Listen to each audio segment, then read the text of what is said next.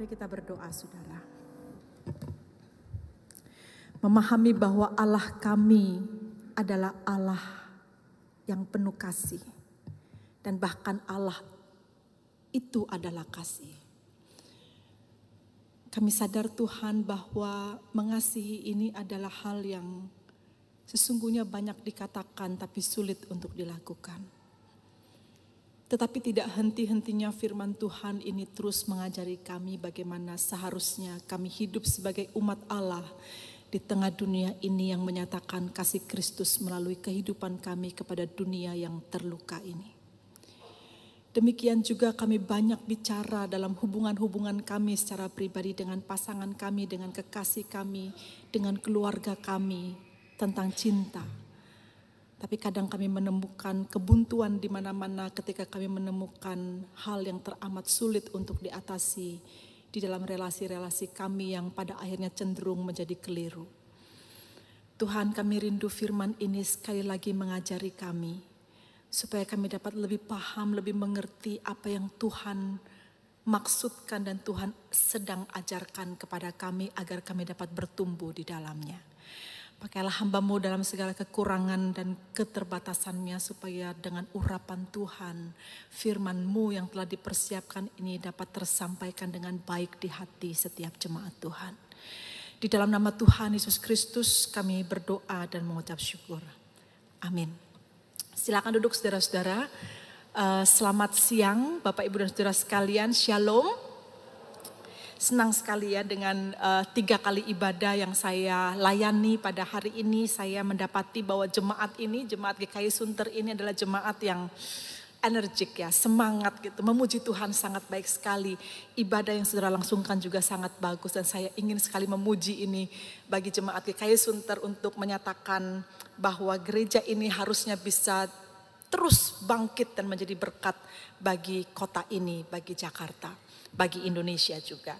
Saudara, um, di awal ini saya mohon maaf dulu karena saya nanti setelah ibadah saya harus segera meninggalkan uh, gereja di uh, karena saya harus menghadiri satu audiensi yang dilakukan oleh Yayasan Amanat Agung Indonesia dengan GKY Cimone karena jauh ya jadi saya mesti harus uh, uh, ada waktu jarak yang harus saya perkirakan untuk bisa tiba di dalam uh, pertemuan dengan GKI Cimone setelah ini. Jadi saya mohon maaf sekali tidak bisa uh, bersalaman dengan saudara di akhir ibadah dan juga harus meninggalkan ibadah ini uh, sebelum berakhir. Sebenarnya ini bukan hal yang saya senang atau saya inginkan tetapi karena memang sudah dijanjikan untuk uh, melakukan pertemuan itu saudara-saudara.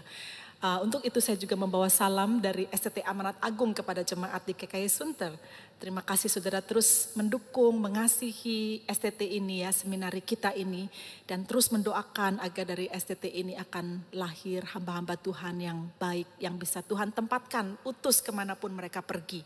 Kalau ada anak-anak muda di sini yang di dalam hatinya ada rasanya terpanggil gitu untuk melayani Tuhan, jangan ragu ambil keputusan dan silakan saudara-saudara mempertimbangkan amanat agung menjadi tempat saudara dibentuk dan belajar. Tema hari ini adalah true love. Mari kita buka Alkitab kita dari 1 Korintus pasal yang ke-13 ayat 1 sampai ayat yang ketiga. 1 Korintus pasal yang ke-11 ayat 1 sampai ayat yang ketiga demikian bunyi firman Tuhan. Sekalipun aku dapat berbicara dalam semua bahasa manusia dan bahasa malaikat. Tetapi jika aku tidak mempunyai kasih, aku sama dengan gong yang berkumandang dan simbal yang gemerincing. Sekalipun aku mempunyai karunia untuk bernubuat dan aku mengetahui segala rahasia dan memiliki seluruh pengetahuan, dan sekalipun aku memiliki iman yang sempurna untuk memindahkan gunung, tetapi jika aku tidak mempunyai kasih, aku sama sekali tidak berguna. Sekalipun aku membagi-bagikan segala sesuatu yang ada padaku dan bahkan menyerahkan tubuhku untuk dibakar. Tetapi jika aku tidak mempunyai kasih, sedikit pun tidak ada faedahnya bagiku. Puji Tuhan. Saudara ketika kita jatuh cinta, ya bagi yang sudah menikah atau yang belum menikah atau yang sekarang sedang pacaran misalnya, Kadang kita tidak bisa menjelaskan kan ya, kenapa kok kita bisa jatuh cinta dengan orang ini gitu. Yang sekarang menjadi pasangan kita, suami atau istri atau sekarang jadi kekasih kita atau yang masih dalam angan-angan akan jadi kekasih kita gitu. Kenapa kok kita bisa jatuh cinta sama orang ini? Umumnya kalau kita ditanya ya, kenapa kamu bisa jatuh cinta sama dia gitu. Kita nggak punya kalimat yang bisa mendeskripsikan secara tepat kenapa kita jatuh cinta sama orang ini. Paling-paling jawaban yang kita berikan itu ya jawaban normatif saja gitu ya. Misalnya ya karena dia baik sih ya orangnya gitu. Karena dia penyayang orangnya. Atau karena dia cantik. Karena dia tampan, good looking. Karena dia pinter gitu. Atau karena badannya bagus gitu ya. Dan macam-macam kita bisa punya kasih alasan. Tetapi sebenarnya jawaban itu jawaban normatif yang tidak mewakili seluruh isi hati kita, mengapa kita bisa jatuh cinta sama dia. Saudara yang tidak bisa dijelaskan adalah begitu banyak orang baik tetapi kok harus dia yang kepadanya kita jatuh cinta gitu. Begitu banyak orang yang cantik, tampan, pintar, badannya bagus, tapi kenapa harus dia yang kepadanya kita jatuh cinta? Saudara yang jelas, stage dalam stage tertentu Biasanya cinta itu dipahami sebagai gejolak emosi gitu. gejolak emosi yang kita sendiri nggak bisa kendalikan dan mengarah ke mana gitu ya. Pokoknya kita rasanya kita ada chemistry, ada sesuatu yang terbangun gitu antara saya sama dia sehingga fokus pandangan mata saya ini ya kepada dia. Oleh karena itu di dalam mitologi Yunani saudara-saudara, datangnya cinta itu digambarkan dengan figur Cupid itu katanya dewa cinta, nama lainnya Amor. Yang Cupid ini dipercaya sebagai anaknya dari Mars and Venus gitu kan. Yang kalau saudara lihat itu gambarnya itu kayak ada orang yang apa ya kecil sekali seperti malaikat kecil dengan sayap begitu lalu dia bawa busur panah gitu. Nah jadi digambarkan demikian uh, karena uh, figur Cupid ini ya dewa cinta ini akan membidikkan panahnya kepada orang tertentu yang kemudian dapat membuat orang yang terkena bidikan panahnya itu menjadi mabuk kepayang karena dilanda asmara. Itu adalah hal yang kita pahami gitu di dalam cerita. Meskipun ini mitologinya Yunani tetapi diceritakan di seluruh dunia tentang Cupid itu ya dengan panah asmaranya. Jadi secara umum saudara-saudara dalam memiliki rasa kasih atau cinta yang selalu menjadi fokus itu adalah perasaan ini loh gitu. Perasaan yang yang uh, apa ya, yang saya sendiri tidak tahu kenapa saya bisa jatuh cinta dengan dia, tetapi itu adalah sebuah perasaan. Nah, perasaan itulah yang harus dijaga sepanjang relasi itu berlangsung supaya tidak menjadi hambar, supaya tetap menyala dan tidak menjadi mati dan seterusnya. Karena kalau sampai terjadi hambar atau bahkan mati apinya, akibatnya itu bisa buruk pada relasi yang sebelumnya pernah membara. Maka tidak heran kemudian terjadi apa yang orang katakan kok lama-lama aku nggak bisa rasa cinta lagi ya sama dia gitu. Karena mungkin memahami bahwa kasih itu adalah sebuah perasaan yang bisa come and go gitu, datang dan pergi tanpa kita bisa duga. Sehingga bisa saja di satu waktu setelah sekian lama bahkan ada di dalam suatu ikatan pernikahan. Seseorang tuh bisa enteng sekali mengatakan kepada pasangannya, oh I'm sorry. I no longer love you anymore. Sorry gitu. Maaf ya saya nggak bisa cinta lagi sama kamu gitu. Padahal sebelumnya pernah ada di dalam satu masa dia cinta sekali kepada orang ini sampai ingin sekali menikahinya gitu. Dan kemudian kalau ditanya sejak kapan kamu nggak bisa merasa cinta lagi kepada dia? Sejak kapan ya? Aku juga nggak tahu sejak kapan dan bagaimana itu terjadinya. Tetapi rasanya itu dengan perasaan saya, saya nggak bisa rasakan apa-apa lagi. Mungkin karena di dalam sepanjang pernikahan atau di sepanjang hubungan itu terjadi hal-hal yang sama sekali tidak diinginkan oleh dia. Entahkah itu ketidaksetiaan, kah perselingkuhan, kah kekecewaan, kah pertengkaran yang tidak ada habisnya dan seterusnya. Lama-lama tidak ada rasanya lagi gitu. Kalau cinta benar-benar adalah sebuah perasaan, maka tidak heran atau bahkan sudah pasti rasa itu akan datang dan pergi dalam hidup kita. Karena itu adalah emosi, kita letakkan pada emosi kita sehingga Emosi itu biasanya depends on your mood gitu ya. Moody sekali, uh, swingnya itu bisa naik turun naik turun gitu karena itu adalah emosi kita kan sudah sudah moodnya kita. Tetapi apa iya kalau kita bicara tentang kasih, bicara tentang love, bicara tentang cinta itu hanya melulu soal perasaan. Saudara mungkin kebanyakan kita pernah tahu atau bahkan mendengar bagaimana orang mendeskripsikan atau menjelaskan kepada kita tentang bagaimana orang-orang Yunani atau filsafat Yunani memahami cinta, memahami kasih itu dengan beberapa istilah yang berbeda. Katakanlah kita kenal ada satu istilah yaitu filia. Filia ini adalah kata cinta untuk pengertian conditional love atau cinta dengan kondisi tertentu gitu. Atau juga sering kali diasosiasikan dengan mutual affection. Jadi ada afeksi atau perasaan yang mutual terjadi gitu. Jadi kalau saya uh, mengasihi dan orang itu mengasihi balik lagi kepada saya, maka terjadilah kondisi itu bahwa kita saling mengasihi gitu saudara-saudara. Maka kata filia ini sering kali dipakai sebagai ekspresi kasih persahabatan gitu. Atau bahkan juga bisa kasih persaudaraan. Karena begini, karena uh, ada satu kondisi yang membuat kita itu bisa dekat sama dia gitu kan ya. Misalnya saja interestnya sama, hobinya sama gitu. Atau bahkan mungkin uh, ya kalau misalnya saya tuh sama dia itu kayak uh, apa tuh ketemu gitu, ada chemistry-nya gitu.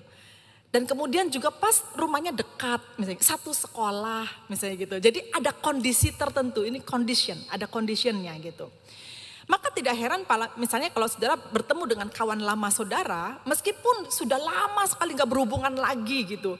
Tapi saudara bisa ingat, dia itu sahabat masa kecil saya. Artinya karena sahabat masa kecil ya sekarang sih sudah nggak terlalu gimana lagi gitu. Tapi pada waktu kecil saya mainnya sama dia terus gitu. Dia sahabat masa kecil saya. Kenapa? Karena di masa kecil saudara itu ada kondisinya. Saudara bisa bersama dengan dia dan bersahabat dengan dia gitu. Itulah filia. Conditional love. Tetapi ada juga kemudian istilah yang digunakan untuk cinta, untuk kasih di dalam filsafat Yunani ini adalah eros. Eros ini adalah uh, romantic love gitu. Selain condition conditional love, ada juga romantic love yaitu eros ini yang ada kaitannya dengan hasrat dan nafsu ketika seseorang merasa jatuh cinta atau mengasihi atau mencintai seseorang. Di dalamnya itu ada desire gitu dan bahkan sometimes itu ada lust di dalamnya gitu, ada nafsu, ada hasrat yang membuat kemudian kita itu ingin dekat physically dengan dia gitu. Nah, saudara kemudian tidak sampai di sana saja, uh, filsafat Yunani ini juga memperkenalkan satu jenis cinta yang lain yaitu agape. Bagi orang Yunani sendiri, agape ini seperti bukan cintanya manusia gitu. Maka selain kata uh, uh, apa agape ini, sering kali mereka menyebut agape itu dengan divine love atau cinta yang berunsur ilahi dan itu hanya bisa terjadi pada dewa-dewi gitu, God and Goddess gitu ya, eh, atau divine, sesuatu yang bersifat ilahi. Karena manusia itu nampaknya tidak mungkin bisa sampai pada stage yang disebut dengan agape dalam mengasihi orang lain. Maka di dalam cerita-cerita atau narasi-narasi atau drama-drama mitologi Yunani misalnya saudara-saudara. Mereka sendiri, orang Yunani sendiri bahkan tidak mau menggunakan istilah agape dalam pembahasan cinta atau dalam pembahasan kasihnya. Yang meskipun konsep itu ada tapi mereka sendiri tidak menggunakannya. Karena it's too far gitu, terlalu jauh gitu untuk dilakukan. Tetapi kemudian kata ini justru menjadi sangat kuat sekali dipakai di dalam konsep kasih di kekristenan. Dalam kekristenan. Kalau saudara perhatikan, para penulis perjanjian baru banyak sekali mengambil kata agap agape untuk menggambarkan tentang kasih yang rela berkorban dari diri Allah kepada manusia yang dinyatakan dalam dia mengutus anaknya yang tunggal itu yaitu Yesus Kristus untuk mengampuni kita, menebus kita dari dosa, menyembuhkan luka kita dan seterusnya. Dan gambaran kasih Allah ini kepada kita dinyatakan dengan kasih agape itu. Inilah kemudian oleh seorang teolog dan pengkhotbah bernama Ray Statement, dia menyebut ini sebagai the true love. Kasih yang sebenarnya, kasih yang sejati. Yaitu sebuah keputusan penuh kesadaran untuk mengambil tindakan mengasihi orang lain. Apa pun resikonya, no matter what gitu ya. Pokoknya itu adalah sebuah keputusan decision, keputusan untuk memilih dengan penuh kesadaran mengasihi orang itu tanpa memikirkan atau mendahulukan kepentingan kita atau manfaat apa yang kita dapatkan dan bahkan mungkin kalaupun ada resiko dia tetap memutuskan untuk mengasihi. Nah, sudah dari pengertian inilah kemudian agape itu dipahami sebagai jenis kasih yang sangat kuat berhubungan dengan kehendak dibandingkan emosi berhubungan dengan keputusan, berhubungan dengan tindakan, berhubungan dengan komitmen untuk melakukan sesuatu. Agape ini adalah kasih yang tidak menuntut timbal balik dan tidak tergantung pada kondisi. Jadi ini kebalikan dari filia sebenarnya. Kalau filia itu conditional love, kalau agape itu unconditional love gitu. Itu benar-benar uh, hal yang terbalik gitu ya. Tetapi pada hal inilah kemudian kita bisa tahu bahwa karena dia tidak tergantung pada situasi atau pada kondisi tertentu untuk dilakukan, maka kasih agape ini juga tidak menuntut cinta yang setara, yang lebih tinggi atau lebih rendah sebagai balasannya.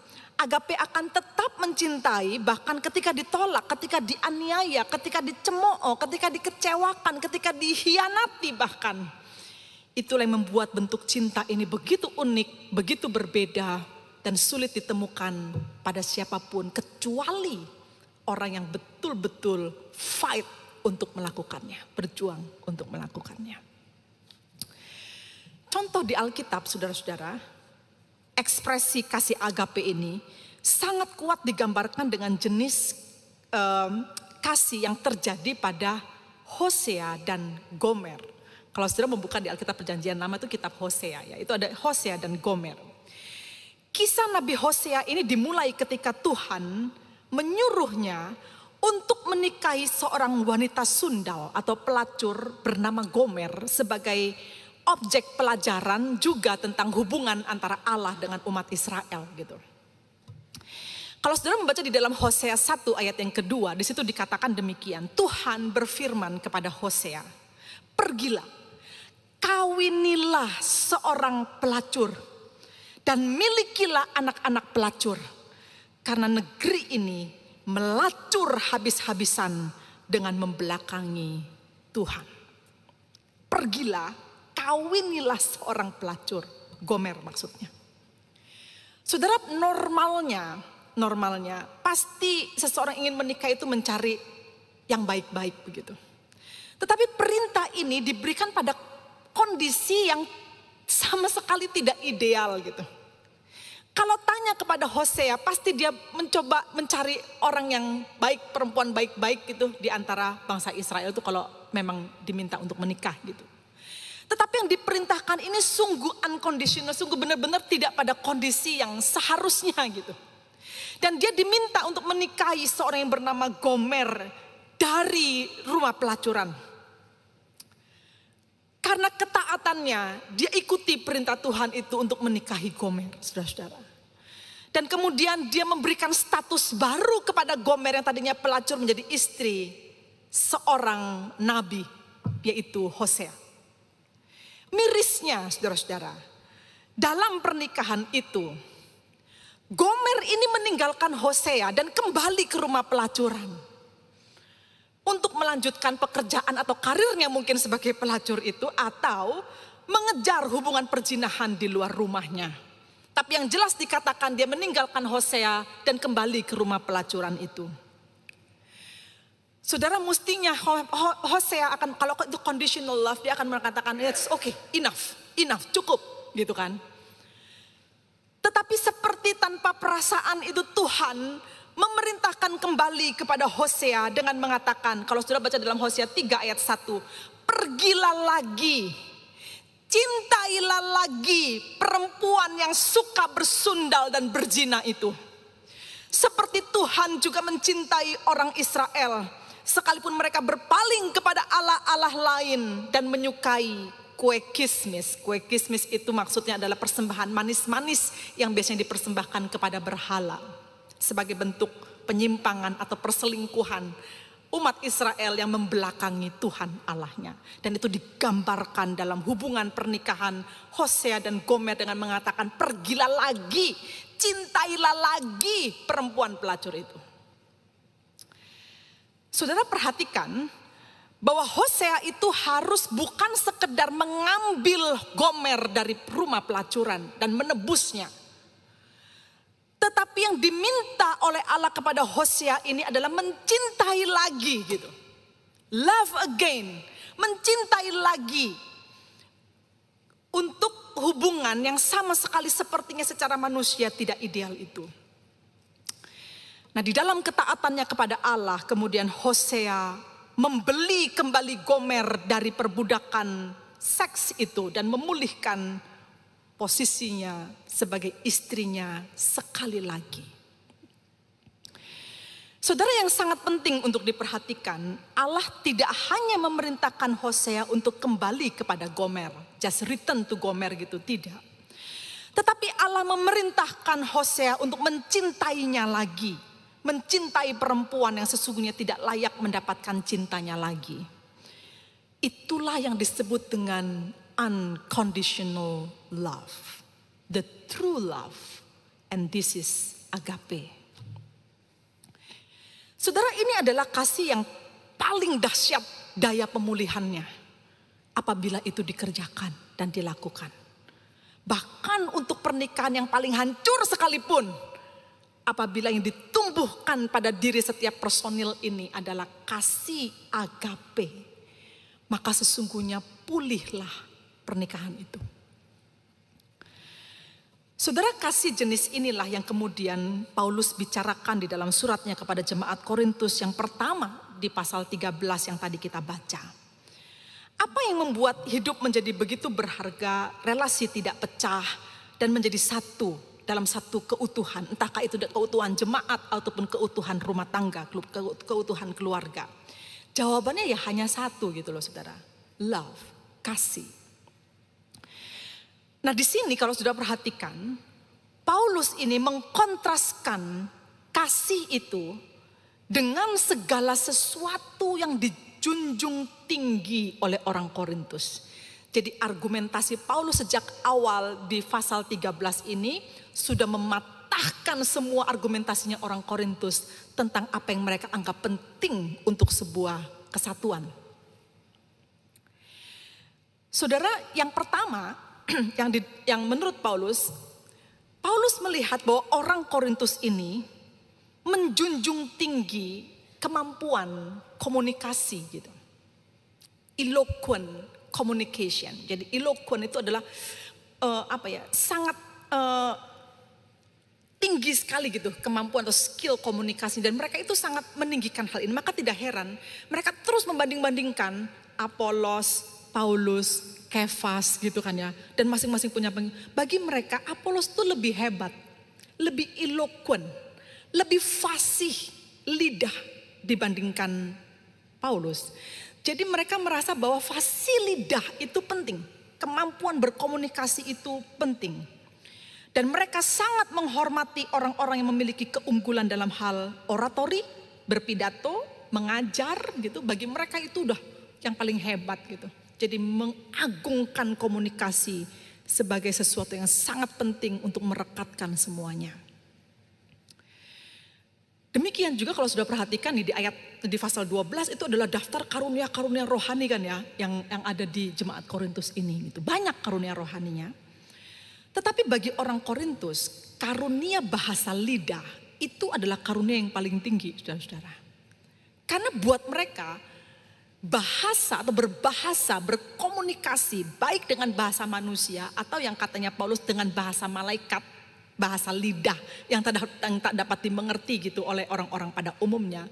Itu tuh tinggi harkat dan martabatnya gitu.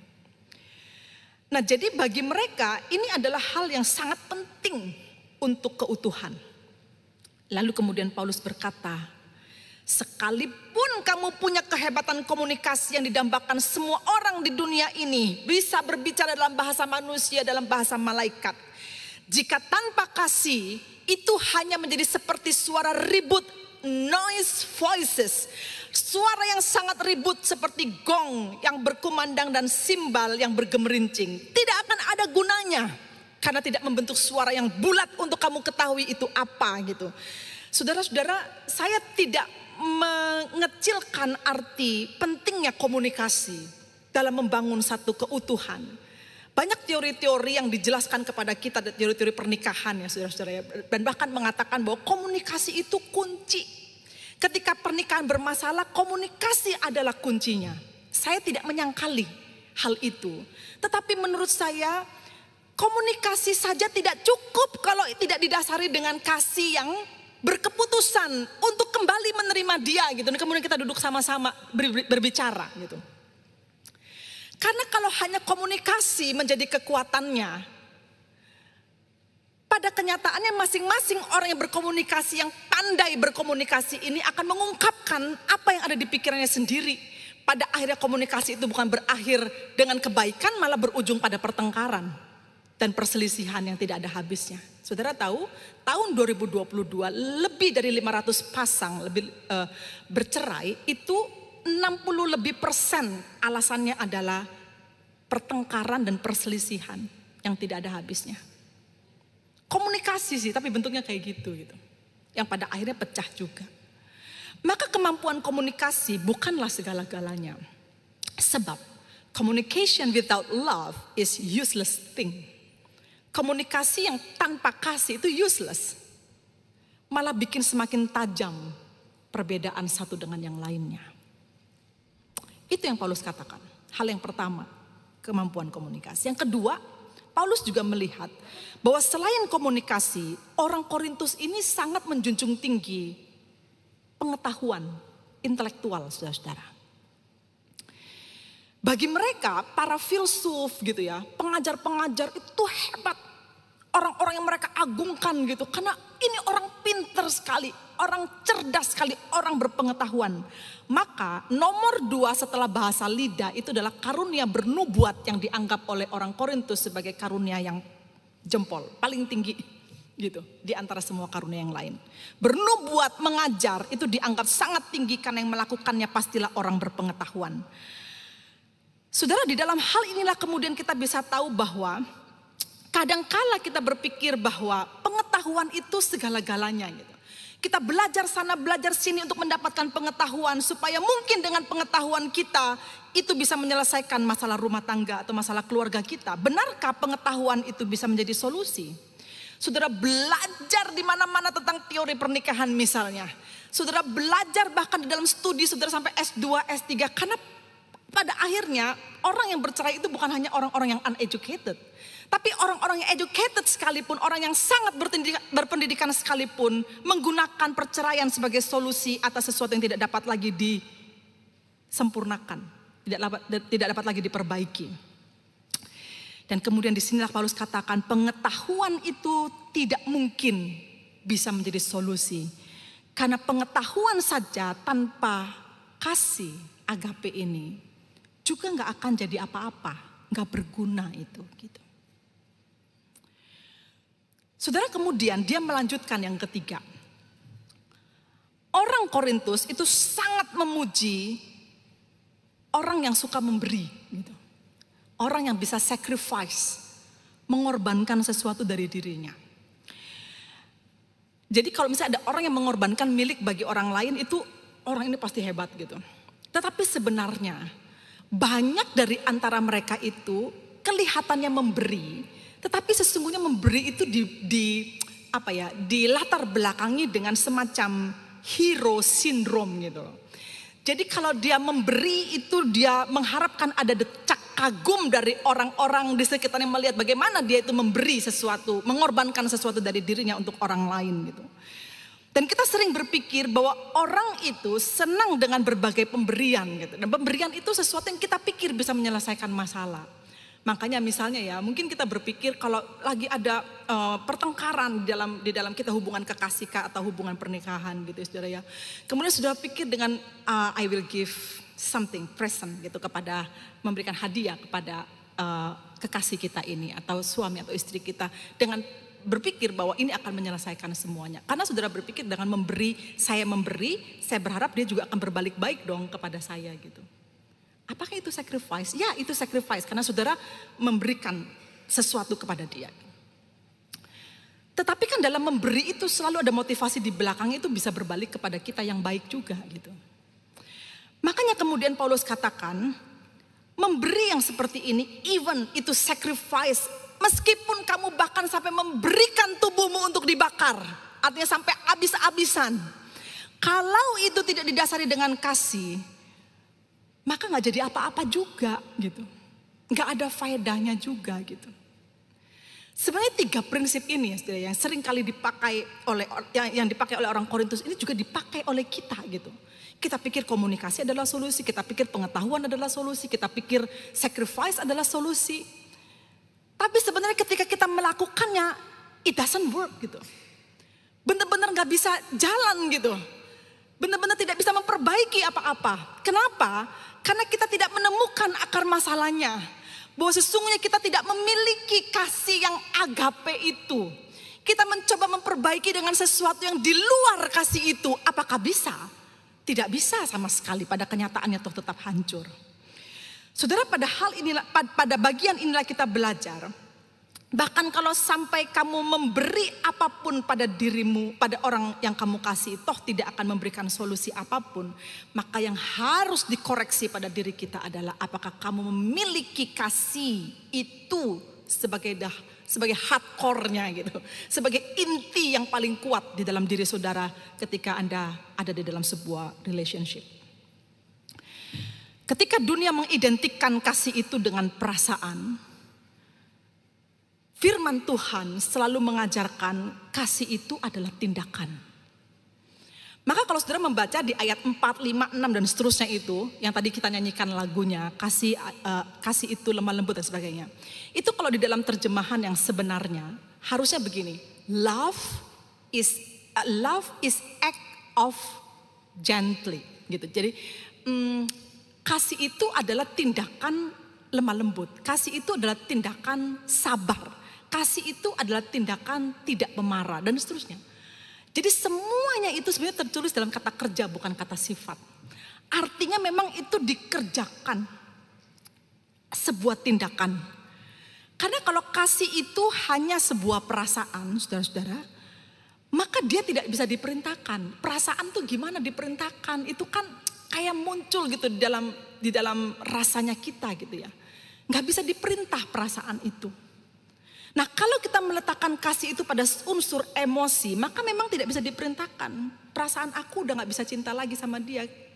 Bisa gak itu diperintahkan? Ya gak bisa lah. Tetapi kalau kasih itu adalah tindakan, maka dia dapat diperintahkan. Karena letaknya itu pada will, pada kehendak, pada kemauan kita gitu loh saudara. Sehingga itu akan bisa menghasilkan keputusan. Itu sebabnya di dalam konsep kekristenan, kasih itu adalah perintah. Itu sebabnya itu terangkum dalam hukum yang disebut dengan hukum kasih. Saudara perhatikan dikatakan kasihilah Tuhan alamu dengan segenap hatimu dan seterusnya. Kasihilah sesama manusia. Itu kan semua imperatif, perintah. Artinya kasih itu adalah sesuatu yang bisa diperintahkan oleh kita. You can make decision gitu. Saudara bisa membuat keputusan apakah saudara mengasihi atau tidak mengasihi begitu kan. Karena itu adalah sebuah keputusan.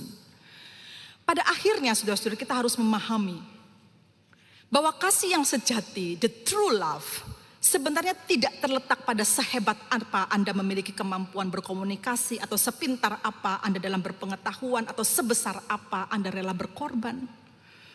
Tetapi kasih sejati itu terletak pada seberapa besar keinginan saudara untuk fight, untuk memperjuangkan, untuk mendorong dirimu sendiri, berjuang sepenuh-penuhnya dan tetap memilih mengasihi dia meskipun objek kasih kita itu sepertinya tidak layak menerima ketulusan kasih kita kepadanya.